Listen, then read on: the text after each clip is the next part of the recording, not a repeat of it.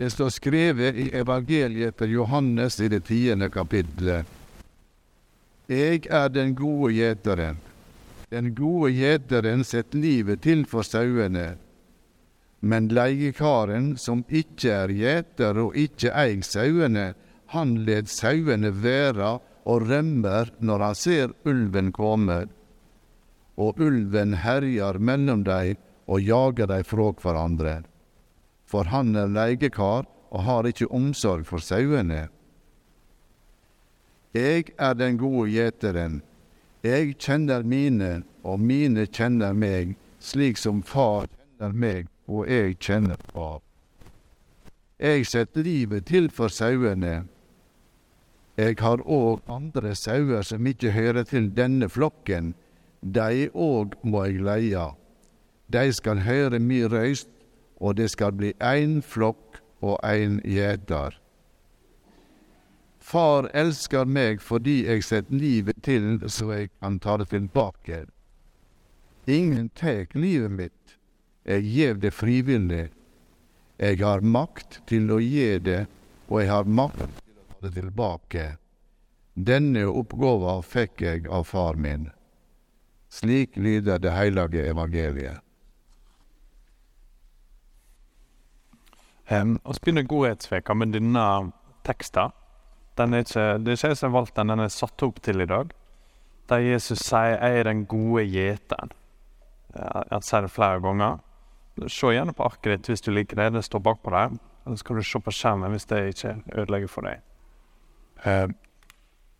Så han sier det to ganger. Andre gangen er ca. midt på. 'Jeg er den gode gjeteren'. Jeg kjenner mine, og mine kjenner meg. Jesus snakker om eh, sin godhet her. Så dette er ikke en tekst som snakker om at oss skal gjøre gode ting for hverandre. Eh, så derfor går det an å lure litt på ok, hva, hva er sammenhengen her.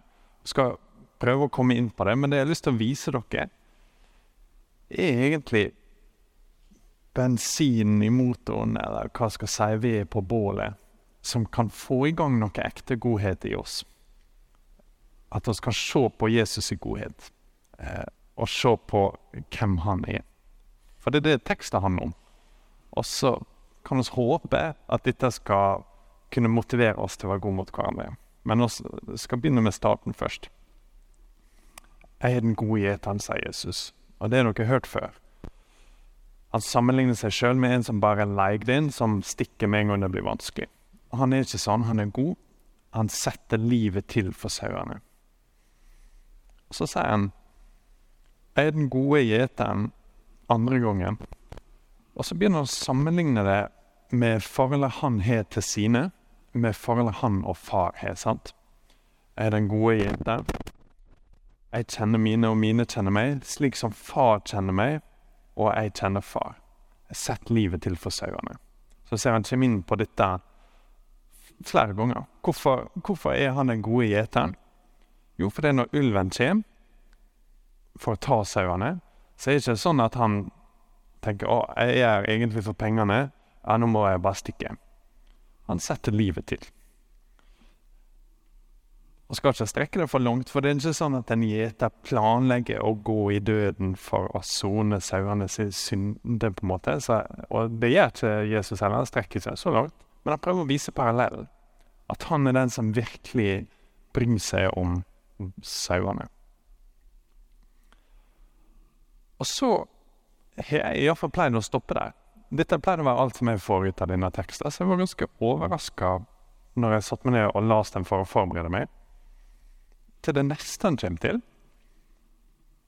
Hvis dere ser litt på det nederste avsnittet der, så sier Jesus Far elsker meg fordi jeg setter livet til, så jeg kan ta det tilbake. Ingen tar livet mitt, jeg gir det frivillig. Jeg har makt til å gi det, og jeg har makt til å ta det tilbake. Denne oppgaven fikk jeg av far min. Jeg syns det alltid er utrolig fascinerende når Jesus gir oss innblikk i sitt forhold til far sin. For vi vet at de har elska hverandre fra før verden ble til. Eh, disse to har gjennom hele Johannes-evangeliet så kommer det fram at de har et utrolig nært forhold. Far elsker sønnen, og sønnen elsker far. Og når Jesus på en måte skal illustrere det største nærhet og det største liksom eh, herlighet i en relasjon, så faller han alltid tilbake på sitt forhold til sin far. Og far sin kjærlighet til sin sønn. Og Derfor er det egentlig litt overraskende når vi får vite hvorfor far elsker sønnen sin. Far elsker meg fordi jeg har sett livet til, så jeg kan ta det tilbake. Det er ganske overraskende, sant? For her, de har nå alltid vært i lag, og det er egentlig ikke noe nytt.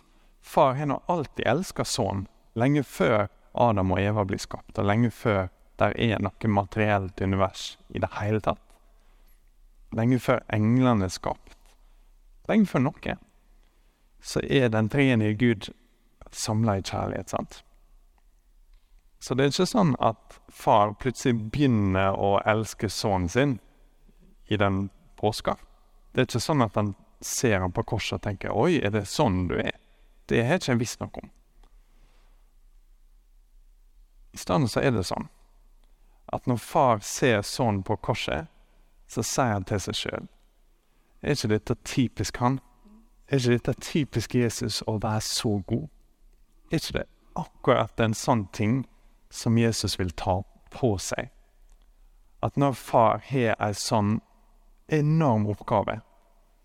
Hvem er det som kan gå i døden for sauene?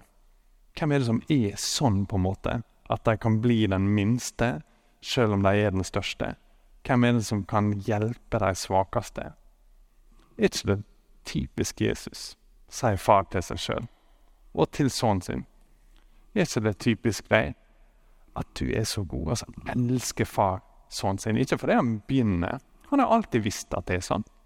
Han har alltid kjent Jesus fullt ut, sant? Jeg satt og las en, eh, en tale fra 1800-tallet av Spurgeon på akkurat denne teksten. Og Da har han en ganske god illustrasjonssystem. Han sier se for deg dronninga i England, da, tenker han på.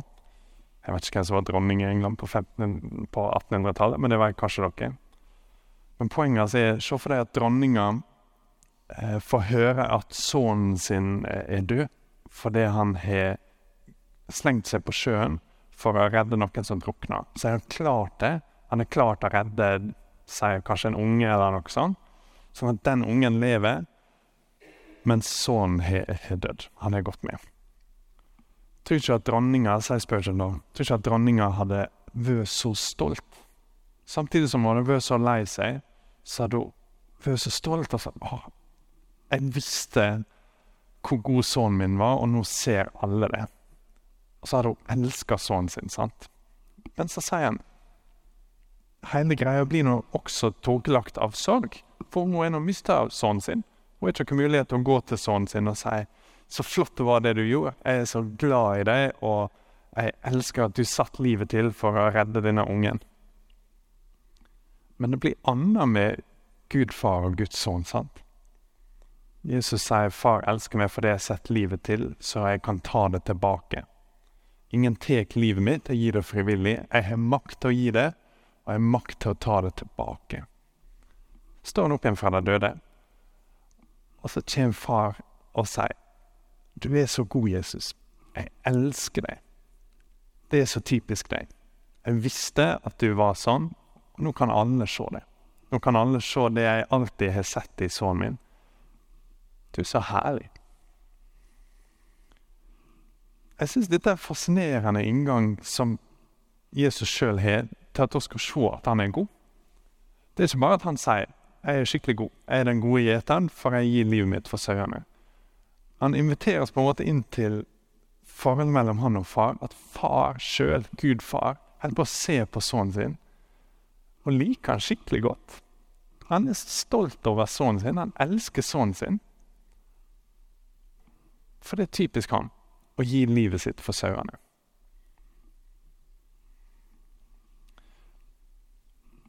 Så er det ikke sånn at tekster snur seg til oss og sier skal ikke du også skjerpe deg og være litt mer lik sånn? Sant? Det er ikke det som tekster gjør. Ofte er det det oss gjør i våre hjerter. At vi kanskje ser noen som er, er veldig flink med ungene sine, eller at vi ser noen som er veldig flink på jobb. Så begynner vi å sammenligne oss med dem. sant? og så kommer vi oss dårlig ut. kanskje i den sammenligninga så blir vi lei oss, eller vi kommer godt ut i den sammenligninga. Se hvor dårlig de er med ungene sine, eller se hvor elendig jobb de gjør, og så blir vi stolte sant, og ser ned på alle andre. Og så ødelegger oss på en måte godheten mellom oss. Ingen av de tinga er noe skikkelig kraft til å gå ut og være glad og gjøre masse gode ting for sykkelvenn. Jesus inviterer oss inn i noe helt annet. Det er ikke sånn at han i denne teksten har gitt oss en pekefinger og sagt 'kom igjen, nå må dere skjerpe dere og slutte med dette tullet'. Han inviterer oss inn i en historie, på en måte. Der han sier at ok, det er andre ting som gjelder. Det er ikke sånn at her er du, og der er de du sammenligner med, og så kommer du dårlig eller godt ut. Det er historie. Fra før verden var til, så har far satt med en oppgave som han har snakka med sønnen sin om. Hvem er det som skal gå? Når det en dag kommer dit at noen må dø for syndet til mitt folk, hvem er det som skal gå? Og så har sønnen sagt, sånn som det står i salmene, at se, i ditt ord så er det skrevet om meg, og jeg kommer, og jeg har min glede i din lov. Sant? Så han er sønnen. Han er full av kjærlighet til far sin. Han elsker å gjøre det som far ønsker. Ikke fordi han bare er liksom en tom, lydig kar, men fordi han forstår fullt ut godheten i alt som far sier. For han elsker Gud sin lov. Når Jesus dør for å oppfylle lova, så viser han tydeligere enn noen dom kunne gjort, hvor viktig det er det far sier. Hvis Gud sier noe i Bibelen, så er det viktig. Det ser oss bl.a. fordi Jesus er villig til å dø for det. Det siste han sier på korset, er for å oppfylle Skriftene. At han sier sånn som det står 'Min Gud, min Gud, hvorfor har du forlatt meg?' Og så står det at det sa han for å oppfylle Skriftene. Så Derfor er det ikke sånn at denne teksten bare ser på oss og sier 'OK, skjerp deg'. Gå ut og ha en skikkelig sånn godhetsveke nå, sånn at du slipper å, å være så dårlig den er ikke sånn i den hele tatt. Den inviterer oss inn i ei evig, bokstavelig talt, ei evig lang historie av godhet. Det er så typisk Gud å være god. Det er så typisk Jesus å være god. Jesus sier det sjøl. Se, jeg er god. Jeg er den gode gjeteren som legger livet ned for sauene våre. Tanken er at dette skal smelte hjertet vårt til godhet. Det skal på en måte ikke skvise på viljen vår, sånn at OK, da, jeg skal være litt god mot noen, for Det er ikke sånn det funker, sant?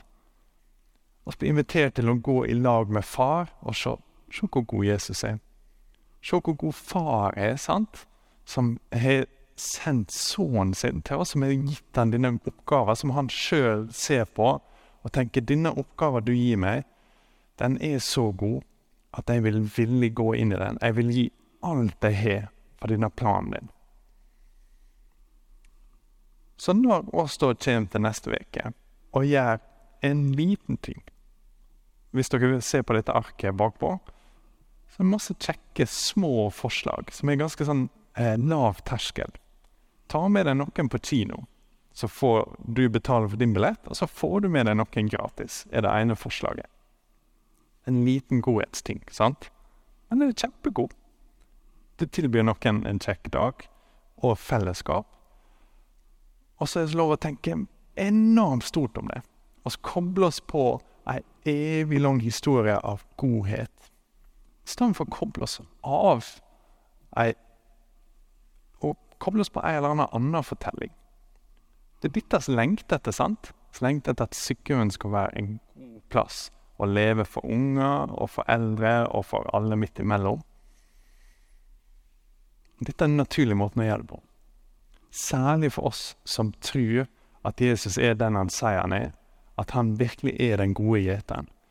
Så det er helt naturlig for oss å prøve å være kreative i hvordan vi kan være gode. Vi trenger ikke å tenke stort, som om vi skal bevise for alle å se hvor god jeg er, og eh, hvis ikke alle legger merke til mitt sånn fantastiske godhetsprosjekt, så er ikke det verdt noe. Det fantastiske godhetsprosjektet har allerede vært. Og det fortsetter ennå. Fra evighet så har Gud far sagt 'Hvem vil gå?' Så har sønnen sagt 'Jeg vil gå'. Så har han gjort det. Og så får vi koble oss på det gode. Bare en siste tanke. Jeg setter livet til for sauene, sier Jesus, fordi han setter livet til for oss.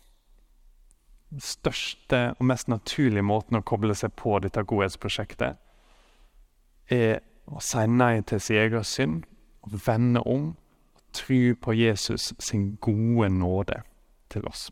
Så det er en invitasjon til dere alle, enten dere tror på ham fra før, eller kommer til å tro på ham i dag. Jesus tilbyr deg sin nåde. Kom og ta imot det. Og ber i dag. Far, og ser at sønnen din er god, og ser at du elsker sønnen din fordi han er god. Det er så typisk han å gjøre noe sånt som ingen andre ville gjort. Og oss priser han, og oss elsker han, og oss har lyst til å bli mer lik han. Amen.